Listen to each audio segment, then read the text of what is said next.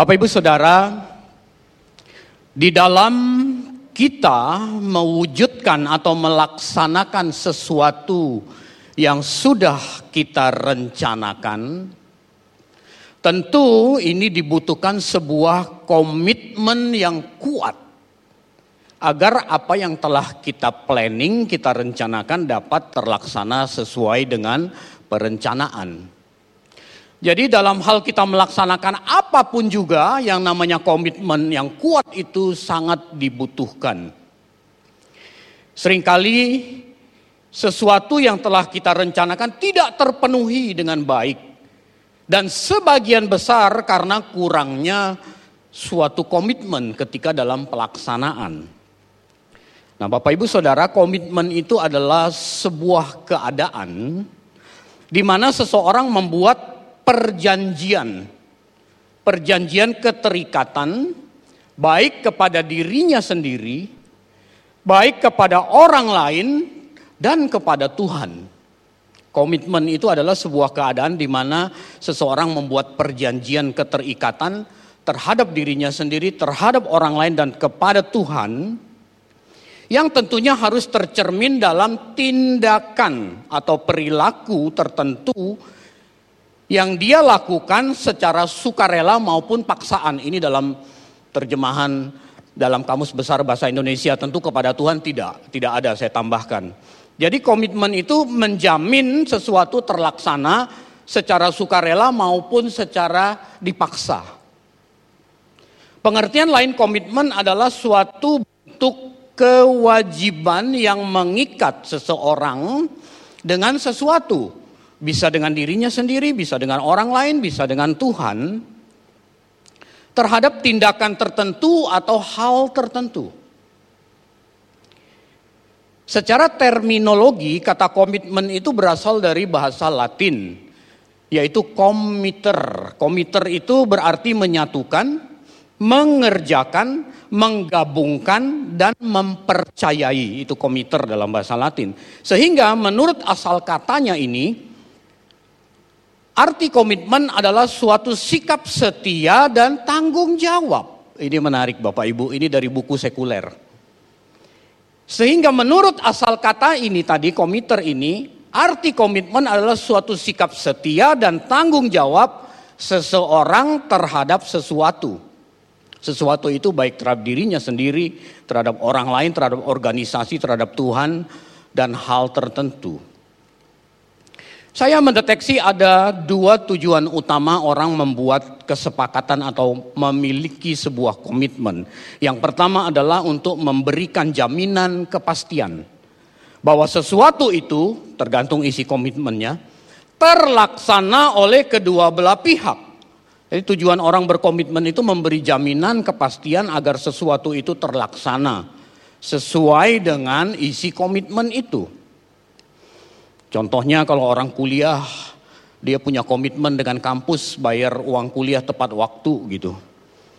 Ini berarti kedua belah pihak mendapatkan jaminan bahwa si mahasiswa mendapatkan pelajaran dari dosen, bukan dosen ngasal-ngasal tetapi dosen yang sesuai dengan standar yang ada di kampus itu misalnya. Dan pihak kampus mendapatkan sebuah jaminan bahwa mahasiswa ini bersedia membayar uang kuliah tepat waktu. Itu contoh. Hal yang kedua, mengapa orang membuat komitmen? Tadi yang pertama adalah memberi jaminan kepastian agar terlaksana. Hal yang kedua adalah memberi jaminan kepastian isi komitmen itu tidak menyimpang atau tidak berubah di masa yang akan datang. Itu dua tujuan utama orang membuat komitmen. Sekarang bagi kita orang percaya, ketika kita menjadi Kristen, apa komitmen kita? Bagaimana kita mengisi komitmen kita sampai dengan hari ini? Bapak, ibu, saudara, baptisan adalah sebuah momen di mana kita membuat komitmen. Kita membuat komitmen selain dengan diri kita sendiri, tentu di hadapan Tuhan. Isi dari komitmen itu adalah dosa dan perbuatan dosa yang kita lakukan sudah mati dikuburkan bersama dengan Kristus.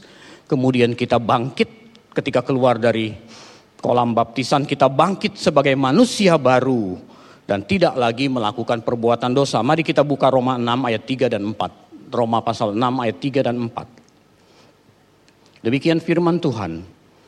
Atau tidak tahukah kamu bahwa kita semua yang telah dibaptis di dalam Kristus telah dibaptis dalam kematiannya.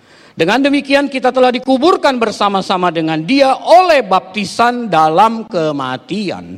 Supaya, ini isi komitmennya. Supaya sama seperti Kristus telah dibangkitkan dari antara orang mati oleh kemuliaan Bapa. Demikian juga kita akan hidup dalam hidup yang baru. Hidup dalam hidup yang barulah itulah isi komitmen kita sebagai orang percaya. Jadi sebenarnya kalau mengacu kepada ter, uh, uraian arti kata komitmen dan Roma 6 ayat yang keempat ini, kalau ada orang Kristen yang masih berbuat dosa, apalagi masih hidup dalam dosa, sebenarnya orang Kristen demikian melanggar komitmen. Dia bukan hanya melanggar komitmennya kepada dirinya sendiri, tapi dia melanggar komitmen juga kepada Tuhan. Nggak ada sanksi itu Pak Pendeta? Nggak ada tuh gitu. Memang sanksi dari Tuhan tidak ada secara langsung. Tapi pribadi lepas pribadi kita akan berhadapan dengan Tuhan di tahta pengadilan Tuhan suatu hari kelak. Walaupun jarang ada sanksi secara langsung, tetapi ingat Alkitab mencatat ada hukum tabur tuai. Galatia 6 ayat 7, apa yang ditabur orang itu juga yang akan dituainya. Ada hukum tabur tuai Bapak Ibu Saudara. Komitmen tentu dibutuhkan dalam seluruh bidang kehidupan. Seseorang yang diterima bekerja di sebuah perusahaan misalnya. Ketika hari pertama dia masuk, dibuatlah surat kesepakatan atau employment letter. Di situlah isi komitmen bahwa sang karyawan bersedia memenuhi segala peraturan perusahaan dan perusahaan juga menyanggupi untuk membayar dengan nilai tertentu kepada sang karyawan ini. Itu isi komitmennya. Jadi dalam pelaksanaan tugas sehari-hari, si karyawan maupun si pengusaha harus memenuhi isi komitmen itu. Kalau ini berlangsung dengan baik, nggak perlu ada serikat pekerja dan lain sebagainya, Bapak Ibu Saudara. Tentu saya ngomong secara garis besar ya. Nah bagaimana dengan hidup pernikahan kita sebagai orang percaya? Pasangan suami istri yang berkomitmen menjaga, merawat dan meningkatkan kualitas perkawinannya agar tetap langgeng, tentu akan berusaha keras untuk saling memenuhi butir-butir kesepakatan saat membuat komitmen. Biasanya pasangan yang mau menikah itu selain dia buat komitmen berdua, dia juga pasti membuat komitmen di hadapan Tuhan melalui pendeta dalam keadaan senang susah, dalam keadaan sehat maupun sakit, engkau satu-satunya dan lain sebagainya. Itu komitmen. Itu baru diucapkan tetapi belum dilaksanakan. Komitmen itu selain diucapkan tentu harus dilaksanakan di hadapan Tuhan sehari-hari. Pasangan yang berkomitmen akan menghindari peluang sekecil apa pun untuk suatu masalah atau suatu hal yang bisa membatalkan atau menyimpangkan komitmen pernikahan itu. Namun orang yang tidak mengerti komitmen atau menyepelekan komitmen pernikahan, dia akan bukan hanya menghindarkan tetapi ketika tidak ada peluang dia akan mencari peluang dan memanfaatkan peluang sekecil apa pun demi kenyamanan dagingnya. Ini bedanya Bapak Ibu Saudara. Itulah sebabnya Kadang-kadang saya berpikir mengapa banyak pasangan orang percaya Kristen itu yang masih saja terlibat dengan dosa perselingkuhan atau perjinahan. Saya mengambil sebuah hipotesa bahwa mereka tidak memahami isi komitmen dengan benar atau mereka paham tetapi sampai di batas kognitif saja. Mereka tidak sungguh-sungguh melaksanakan komitmen itu dalam kehidupan pernikahannya sehari-hari. Dan sering juga orang percaya memahami perjinahan itu secara dangkal. Ini masalah tersendiri Bapak Ibu Saudara. Kalau di Alkitab kita tidak menjumpai kata perselingkuhan, tetapi kita menjumpai kata perjinahan. Standar hidup kekudusan pernikahan orang percaya dengan orang dunia itu sangat beda. Ini yang jarang dipahami. Ini yang saya mau share, saya mau bagi kepada Bapak Ibu Saudara. Supaya kita tidak terjebak dalam satu hal ini. Karena orang tidak memahami dengan benar, orang sering terjebak kepada menggunakan standar orang dunia. Padahal orang percaya itu harus menggunakan standar Alkitab, standar perkataan Tuhan Yesus. Ada amin? Orang percaya harus begitu. Nah sering kali orang tidak memahami sehingga yang digunakan standar orang dunia. Di dalam Alkitab perjanjian baru ada tiga kata dalam teks asli Alkitab yang kemudian diterjemahkan menjadi berjinah dalam Alkitab bahasa Indonesia. Yang pertama kata akatarsia. Akatarsia ini berkaitan erat dengan kenajisan menghampiri rumah ibadah ketika katakanlah seorang wanita mens gitu di agama Yudaism. Ini lebih mengarah kepada kenajisan untuk menghampiri rumah ibadah. Kalau kalau aliran-aliran Pentakosta yang lama-lama termasuk GPIB, GPDI, GPDI maksud saya maaf, mereka kalau mau perjamuan kudus besoknya itu kadang-kadang mereka puasa nggak makan. Kalau habis ribut sama istri, mendingan jangan perjamuan kudus. Ah, itu akatarsia, kata ini yang dipakai. Ada satu lagi, ada dua lagi. Yang satu adalah moi kewo. Moi keya. Moi kewo itu bahasa eh, kata kerjanya, moi kewa itu kata bendanya.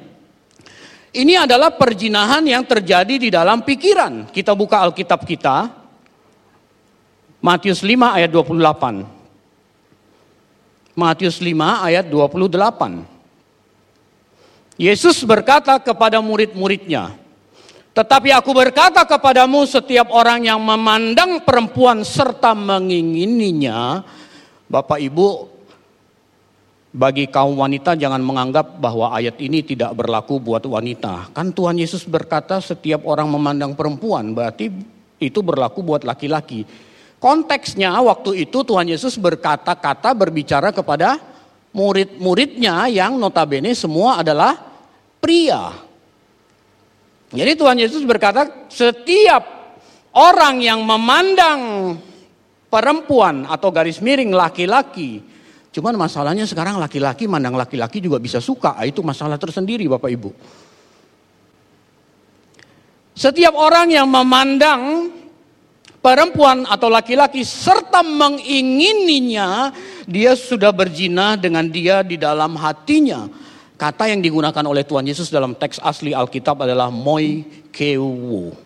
Berzina dalam pikiran.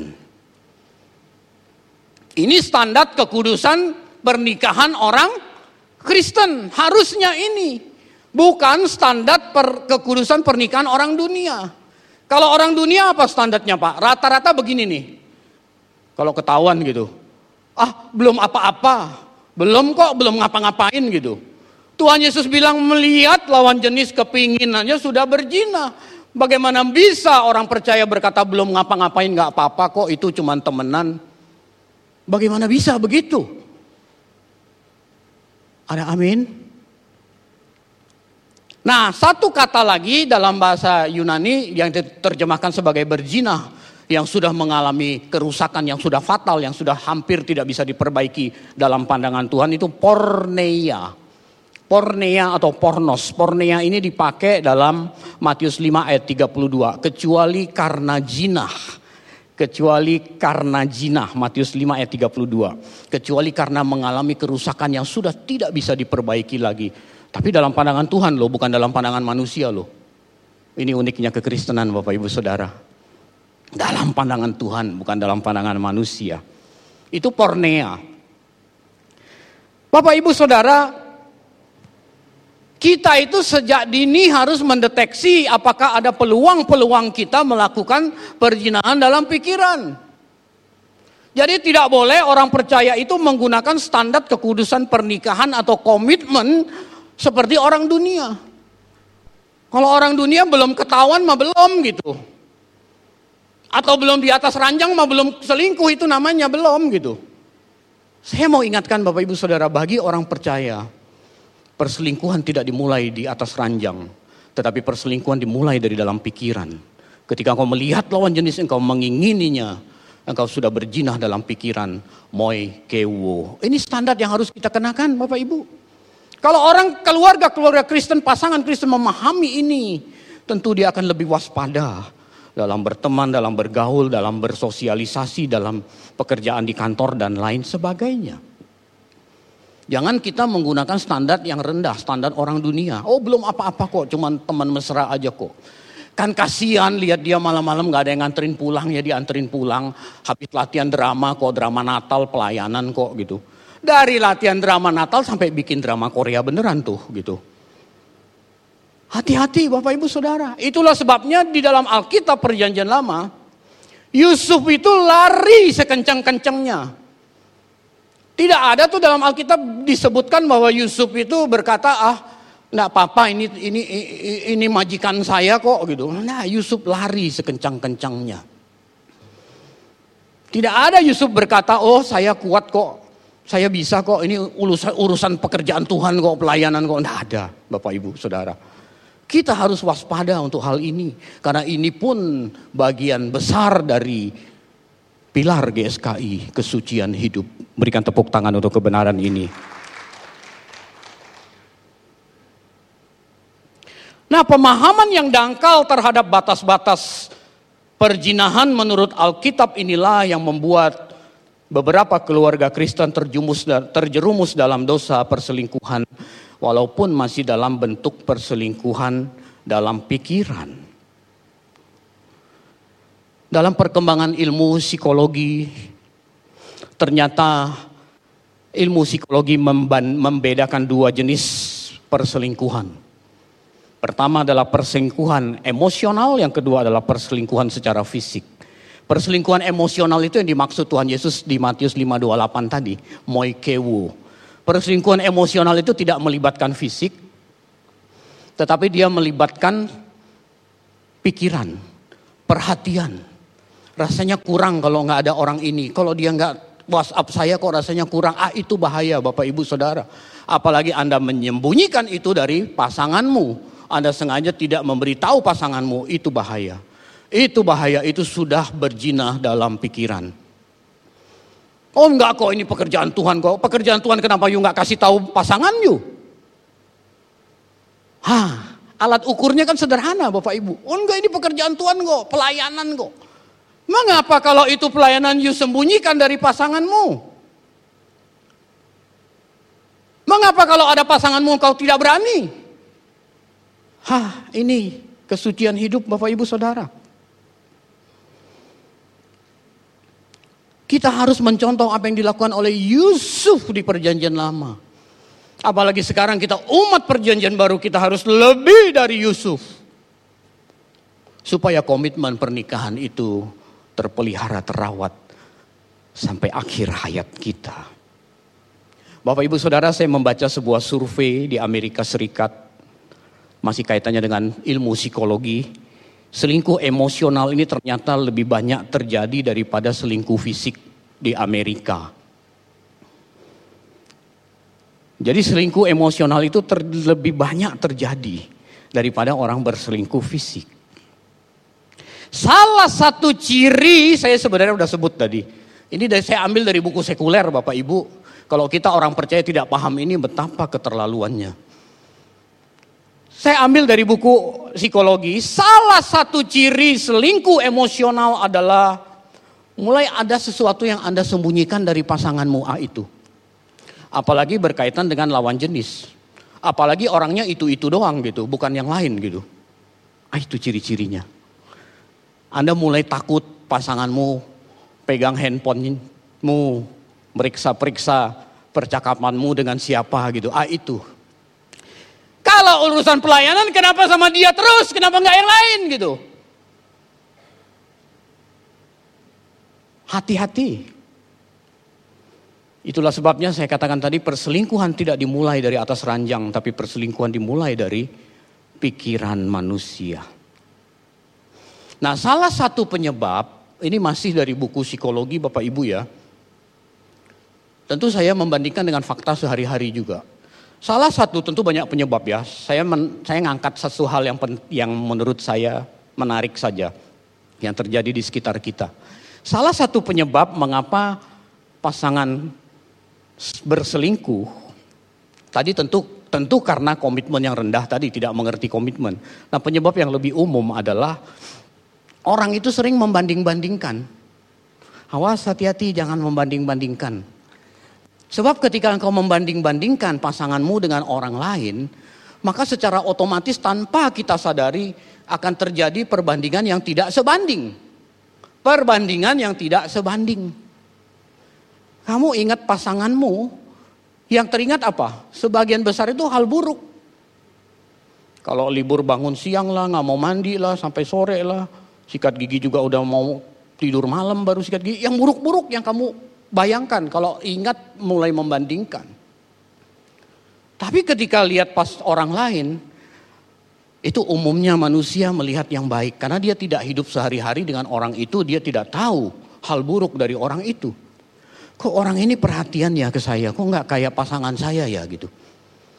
Kok orang ini sering muji saya ya, kok nggak pasangan saya nggak pernah. Itu terjadi perbandingan yang tidak sebanding. Ini bahaya, pintu perselingkuhan bisa terbuka Bapak Ibu Saudara. Maka dari itu jangan pernah engkau membandingkan pasanganmu dengan orang lain. Apalagi musim pandemik begini. Lihat istrinya tiap hari pakai daster di rumah. Pagi hari bangun pakai daster, siang hari makan siang pulang daster lagi. Nanti sore pulang kerja istrinya masih pakai daster. Kalau daster yang tadi pagi masih mending, daster minggu lalu masih dipakai gitu. Beda suaminya ke kantor, pagi-pagi sudah ada sekretaris. Wah pakai blazer, wangi lagi gitu. Blazernya segini kalau duduk jadi segini gitu. Wangi. Di rumah waktu sarapan pagi istrinya bikin main taruh aja di meja. Sampai di kantor, pagi pak, mau minum cucu apa kopi pak gitu. Mulai dia banding-bandingkan, mengapa istriku tampangnya pakai daster, udah itu rambutnya di roll pula gitu. Yang satu ini kan terjadi perbandingan yang tidak sebanding Bapak Ibu Saudara. Jadi kalau engkau membanding-bandingkan pasanganmu dengan yang lain, pasti terjadi perbandingan yang tidak sebanding. Dan di situ pintu perselingkuhan bisa terbuka. Kalau suaminya yang baik, dia pulang ke rumah. Dia berkata kepada istrinya, Mama, nanti sore kita ke mall ya. Belanja baju, udah lama mama nggak beli baju gitu. Padahal maksudnya dia pingin supaya istrinya beli blazer kayak sekretarisnya gitu. Ini suami yang baik loh gitu. Dibawalah istrinya ke mall. Tuh mama silakan belanja. Ditinggal sama suaminya. Beberapa waktu kemudian kembali di kasir istrinya udah bayar. Udah dapat mama udah. Mana yang dibeli? Daster lagi yang dibeli gitu. Saya mengerti musim pandemik di rumah aja. Tapi apa salahnya sih ini untuk kaum ibu ya. Kalau kaum bapak bekerja pasti. Apa salahnya sih dandan buat suami gitu, walaupun udah puluhan tahun menikah gitu. Nggak ada yang salah loh gitu. Mama mau ke mana? Enggak, aku pakai baju ini aja udah lama karena kita nggak pernah pergi. Aku pingin kamu lihat aku pakai baju ini. Wah, mantap Bapak Ibu Saudara. Daripada daster melulu gitu. Ini contoh kecil Bapak Ibu Saudara, contoh kecil. Itulah sebabnya jangan sekali-kali kita itu membanding-bandingkan pasangan kita dengan orang lain. Kalau istilah orang dunia itu rumput tetangga lebih hijau dari rumput kita. Itu fakta Bapak Ibu Saudara. Sebuah penelitian di Amerika menunjukkan sebuah fakta yang mencengangkan. Ini penelitian ini dilakukan oleh rohaniwan Kristen yang bernama George Barna. Saya mengutip dari buku The Frog in the Kettle. Katak dalam tempurung. Dia menemukan beberapa hasil survei, tapi saya angkat dua saja yang berkaitan dengan komitmen, yaitu angka perceraian di Amerika itu meningkat. Separuh dari angka perceraian itu adalah pernikahan baru. Mengapa? Karena orang tidak me menghargai komitmen. Karena orang menyepelekan komitmen. Lalu hasil surveinya yang kedua, banyak orang tua sekarang ini di Amerika kurang gigih untuk tetap mempertahankan pernikahannya sekalipun tidak bahagia demi kepentingan anak dibanding 2000 tahun yang lalu. Jadi 2000 tahun sekarang ini dibanding eh 20 tahun yang lalu. 20 tahun yang lalu orang-orang di Amerika lebih gigih mempertahankan keluarganya demi anak. Walaupun pernikahannya tidak bahagia. Tapi sekarang ini ternyata gampang sekali bercerai, mengakhiri pernikahan. Karena apa? Tidak menghargai isi komitmen. Tidak menghargai isi komitmen. Padahal pernikahan adalah berkomitmen kepada Tuhan. Bukan hanya kepada manusia. Berkeluarga menikah adalah panggilan Tuhan kepada manusia yang paling awal. Anda boleh punya panggilan jadi rohaniwan, Anda boleh punya panggilan jadi romo, tidak menikah dan lain sebagainya. Tapi panggilan Tuhan kepada manusia yang paling awal adalah berkeluarga. Dan bekerja dua hal, tapi berkeluarga itu duluan. Kejadian 1 ayat 28 beranak cuculah dan bertambahlah banyak. Itu calling, itu panggilan Tuhan kepada manusia. Tuhan bikin kita hidup di bumi ini supaya kita berkeluarga. Jadi berkeluarga itu bukan karena suka sama suka, bukan karena nafsu, bukan karena hartanya banyak.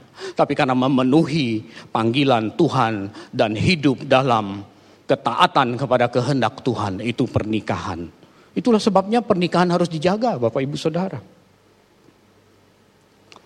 Tuhan itu ternyata menghargai orang yang berkomitmen. Banyak orang itu sekedar mau terlibat. Ini beda Bapak Ibu Saudara.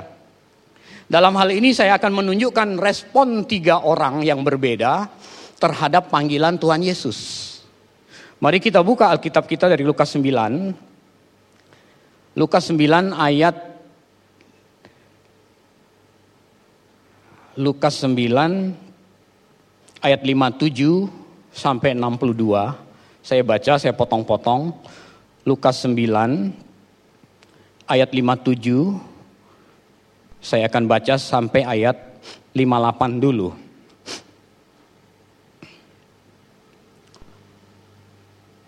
Ketika Yesus dan murid-muridnya melanjutkan perjalanan mereka, berkatalah seorang di tengah jalan kepada Yesus, Aku mau mengikuti engkau ke mana saja engkau pergi. Yesus berkata kepadanya, serigala mempunyai liang, burung mempunyai sarang, tetapi anak manusia tidak mempunyai tempat untuk meletakkan kepalanya. Orang ini mundur. Dia hanya mau terlibat, tetapi dia tidak mau berkomitmen sungguh-sungguh. Ketika Tuhan Yesus menunjukkan harganya, ketika Tuhan Yesus menunjukkan standar Mengikuti Tuhan orang ini mundur. Ternyata ikut Yesus itu susah, nggak punya rumah. Burung aja punya sarang, serigala punya liang. Ikut Tuhan Yesus tidak punya standar harus punya rumah mewah atau rumah seperti yang kau inginkan. Wah nggak jadi ini orang mundur. Ini orang yang mau enaknya saja. Dia mau terlibat tetapi dia tidak mau berkomitmen sungguh-sungguh. Kalau terlibat itu dia mau dia hanya mau ikut di permukaan saja. Tetapi begitu Tuhan Yesus lihat tunjukkan resikonya enggak mau. Oh mau dong pelayanan di gerejanya Pak Mak gitu. Begitu suruh besuk orang sakit, aduh sorry deh, nggak bisa nih gitu. Maaf ini bukan di sini Pak Mak, bukan di sini yang aku maksudnya gitu. Itu rata-rata begitu Bapak Ibu Saudara. Begitu nggak dapat jadwal khotbah, kenapa gua nggak dipakai khotbah gitu? Maunya yang enak saja. Mau cuma terlibat tapi nggak mau menanggung resiko yang berat. Ini ini tipikal orang pertama yang dipanggil oleh Tuhan Yesus, tetapi dia dia hanya dia tidak mau berkomitmen tapi mau sekedar terlibat. Bagaimana dengan tipe orang kedua? Kita lanjutkan bacaan kita 5960 dari Lukas 9. Lalu Yesus berkata kepada seorang yang lain, karena yang tadi udah nggak mau kan, ikutlah aku. Tetapi orang itu berkata, izinkan aku pergi dahulu menguburkan bapakku. Ternyata bapaknya meninggal. Tetapi Yesus berkata kepadanya, biarlah orang mati menguburkan orang mati. Tetapi engkau pergilah dan beritakanlah kerajaan Allah di mana-mana. Bapak ibu saudara tipe orang kedua ini dia menunda. Dia menunda. Kelihatannya kan baik kan, mau ngubur orang tua. Tetapi jangan kita tarik ke konteks kita Indonesia. Ini konteks orang Yahudi zaman itu. Tentu dalam hal ini ada tiga tafsiran yang berbeda. Saya akan paparkan ketiga-tiganya. Nanti kita pilih saja mau tafsiran yang mana gitu. Tafsiran yang pertama, Sebenarnya ayahnya ini sudah meninggal udah lama, bertahun-tahun. Nah menurut adat istiadat orang Yahudi, orang kalau mati itu tidak langsung dikubur. Dimasukkan ke dalam gua seperti Tuhan Yesus itu, ditutup guanya. Sampai bertahun-tahun tinggal tulang belulang baru dikubur. Itu penguburan kedua. Dalam bahasa teologisnya penguburan oswari, penguburan kedua udah tinggal tulang belulang. Biasanya penguburan kedua ini dilakukan oleh ahli agama, orang profesional yang mengerti dengan tata cara dan adat istiadat orang Yahudi. Nah, kalau penguburan pertama, kalau meninggal penguburan pertama yang dalam masuk dalam gua itu, anak mutlak hadir, apa pun alasannya harus hadir. Tapi kalau penguburan kedua itu tidak perlu. Bisa diwakilkan oleh orang profesional. Nah kemungkinan besar dalam konteks ini, pria ini, Tuhan Yesus tahu itu penguburan kedua, Tuhan Yesus menjawab, biarkan orang mati menguburkan orang mati. Kasihlah orang, kasih kepada ahlinya. Kalau kamu ini lebih mendesak, beritakan ikut aku, kira-kira itu. Ini tafsiran pertama.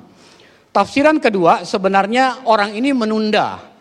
Tetapi dia mengatakan mau nguburin bapaknya, sebenarnya bapaknya belum meninggal, tetapi sudah mengalami sebuah penyakit yang permanen. Mungkin dokter udah vonis, ini kira-kira tiga bulan lagi dah gitu.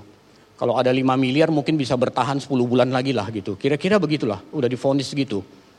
Dia bilang dia mau nguburin bapaknya, sebenarnya bapaknya belum mati, dia mau nungguin sampai bapaknya mati. Intinya orang ini menunda. Ini tafsiran kedua. Tafsiran yang ketiga, bapaknya ini baru meninggal. Si pria ini mau ngurus pembagian harta warisan. Ini yang paling sering kita dengar nih. Orang mati menguburkan orang mati. Pria ini dia ingin takut nggak kebagian harta warisan. Jadi dia bilang mau ngubur bapaknya. Padahal tujuan utama fokusnya adalah pada harta dunia. Tuhan Yesus berkata orang yang ikut Tuhan kalau masih pikir harta dunia tidak layak. Anda mau pakai tafsiran yang mana terserah. Tapi kalau saya pribadi saya lebih suka, lebih tepat menggunakan tafsiran pertama penguburan Oswari, penguburan kedua. Bahwa menurut adat istiadat orang Yahudi, ini adalah penguburan kedua. Tidak perlu dihadiri oleh keluarga inti, bisa diwakilkan kepada orang lain. Intinya pria yang kedua ini dia menunda-nunda waktu. Ah nanti ajalah, nanti deh, tunggu udah pensiun gitu lagi sibuk nih gitu, lagi banyak kang tahu gitu. Padahal melayani Tuhan tuh di kantor juga melayani Tuhan. Hidup ini adalah pelayanan. Tapi dia berkata nanti deh tunggu agak senggang gitu. Ah, ini orang tipikal orang kedua yang menunda-nunda waktu. Bagaimana dengan tipe orang yang ketiga? Orang yang ketiga ini dia tidak fokus. Kita lanjutkan pembacaan 6162 Lukas 9. Orang ini nggak fokus. Dan seorang yang lain lagi berkata, aku mau mengikut engkau Tuhan, tetapi izinkan aku pamit dahulu dengan keluargaku. Tetapi Yesus berkata, setiap orang yang siap untuk membajak tetapi menoleh ke belakang, tidak layak untuk kerajaan surga. Loh gimana sih Tuhan Yesus nih pamitan masa nggak boleh gitu. Sekali lagi jangan kita kenakan kepada konteks kekinian kita Indonesia hari ini, pamitan beda. Orang Yahudi itu kalau pamitan itu, Bapak Ibu, apalagi zaman dulu, itu harus me, harus dilakukan pesta besar-besaran. Itulah sebabnya di Lukas 14 ayat 33 Tuhan berkata kalau punya ikatan dengan harta dunia tidak layak jadi muridku.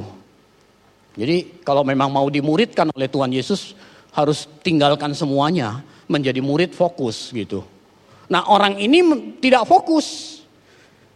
Zaman dahulu itu ya Bapak Ibu Saudara, kalau orang mau pamitan sekolah, masuk kuliah, bed midras itu nama kuliahnya. Kalau sekarang jadi madrasah gitu, saudara-saudara kita muslim. Orang Yahudi itu bed midras. Itu setelah menempuh pendidikan dasar dan pendidikan menengah lalu masuk perguruan tinggi. Dia harus tinggal bersama sang rabi di madrasah, di asrama kira-kira begitu bed midras. Jadi dia pagi, petang, siang, malam itu tinggal bersama Rabi supaya fokus diajar. Makanya di Lukas 14:33 setiap orang yang mau dimuridkan tidak tapi masih punya ikatan itu nggak layak kata Tuhan nggak bisa dimuridkan masih mikirnya di rumah gitu. Nah orang ini dia mau ikut Tuhan, dia mau tinggal bersama Rabi, mau dididik. Tetapi dia bilang mau pamitan. Sebenarnya yang namanya pamitan di zaman dulu itu diadakan pesta besar-besaran. Orang mau masuk kuliah gitu, tinggal bersama Rabi, anak Yahudi, putra Yahudi itu di pesta besar-besaran. Makan biaya banyak dan bisa berhari-hari.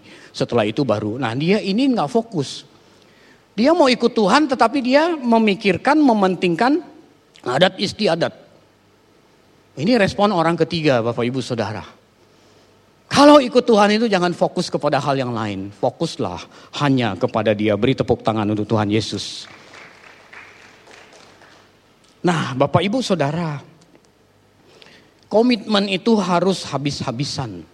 Komitmen itu harus all out. Secara khusus tadi saya membahas soal kehidupan pernikahan. Komitmen dalam kehidupan pernikahan. Tidak ada kata lain kita harus memperjuangkan tidak ada kata lain kita harus habis-habisan komitmen dengan Tuhan. Sebagai contoh seorang atlet kalau dia berkomitmen, dia akan berjuang habis-habisan. Nah orang percaya, kita yang ada di ruangan ini maupun Anda yang di rumah masing-masing. Ingat komitmen kita adalah Roma 6 ayat 4. Dengan demikian kita telah dikuburkan bersama-sama dengan dia oleh baptisan dalam kematian. Sama seperti Kristus dibangkitkan dari antara orang mati oleh kemuliaan Bapa, demikian juga kita akan hidup dalam hidup yang baru. Hidup yang baru itu hidup yang seperti kehidupan yang dijalani oleh Tuhan Yesus. Bapak Ibu Saudara,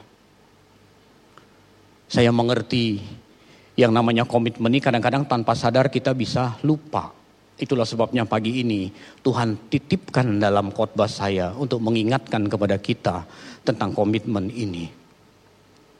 Apalagi kita yang tentu tidak hidup sendiri lagi sekarang. Kita punya komitmen untuk merawat dan meningkatkan kualitas kehidupan pernikahan kita. Komitmen ini sangat kuat. Saya sudah kasih contoh tadi. Nah ada tuh di Alkitab Yusuf berkata, ah ini kan majikanku. Nggak ada tuh Yusuf berkata, ah kali ini sajalah gitu. Nggak ada. Sekali no ya no, pergi ya pergi, menjauh ya menjauh. Lari ya lari. Apa pun resikonya. Karena aku harus menjaga komitmen pernikahanku di hadapan Tuhan dan di hadapan sesama. Kan begitu. Jadi apa pun alasannya. Demi pekerjaan Tuhan yang besar lah, demi pelayanan lah. Kalau pelayanan kenapa juga berani pasanganmu tahu gitu. Kan gitu Bapak Ibu Saudara. Jadi sekarang ini kita harus mulai berani melihat. Mana yang hitam, mana yang putih. Abu-abu kita harus berani singkirkan. Kita harus berani melihat ini hitam, ini putih. Karena kekudusan begitu, ini hitam ini putih. Bapak Ibu Saudara, kualitas kekristenan seseorang bisa diukur dari komitmennya kepada Tuhan Yesus. Katakan amin. Kualitas kekristenan seseorang sungguh bisa diukur dari komitmennya kepada Tuhan Yesus. Seorang Kristen sejati yang mau berkomitmen kepada Tuhan Yesus, tentu dia bukan sekedar berkomitmen kepada manusia. Dalam tema khotbah saya, saya tutup dengan kalimat tema khotbah saya, committed to God, not to human. Berkomitmen kepada Tuhan, bukan hanya kepada manusia. Amin. Tundukkan kepala, mari kita berdoa. Bapak kami bersyukur untuk firman yang sudah kami dengar pagi ini. Tuhan, masih banyak sebenarnya yang harus kami pahami. Namun kami tahu bahwa rohmu yang kudus akan menuntun setiap kami kepada segala kebenaran. Bapa, kami mohon roh kudus memenjamah setiap kami agar kami sungguh-sungguh memahami hal ini. Dan kami semakin menjaga, memelihara, merawat komitmen kami kepada engkau sebagai orang percaya. Terima kasih Bapak di dalam nama Tuhan Yesus kami berdoa dan mengucap syukur. Sama-sama kita berkata, amin. Berikan tepuk tangan untuk Tuhan Yesus. Bagi Bapak, Ibu, Saudara-saudari yang terpanggil untuk mendukung pelayanan GSKI Pluit dapat memberikan persembahan ke rekening BCA KCU Pluit dengan nomor 168 65 333 88. Sekali lagi 168 65 333 88 atas nama GSKI Fluid. Terima kasih atas dukungan persembahan saudara. Tuhan Yesus memberkati.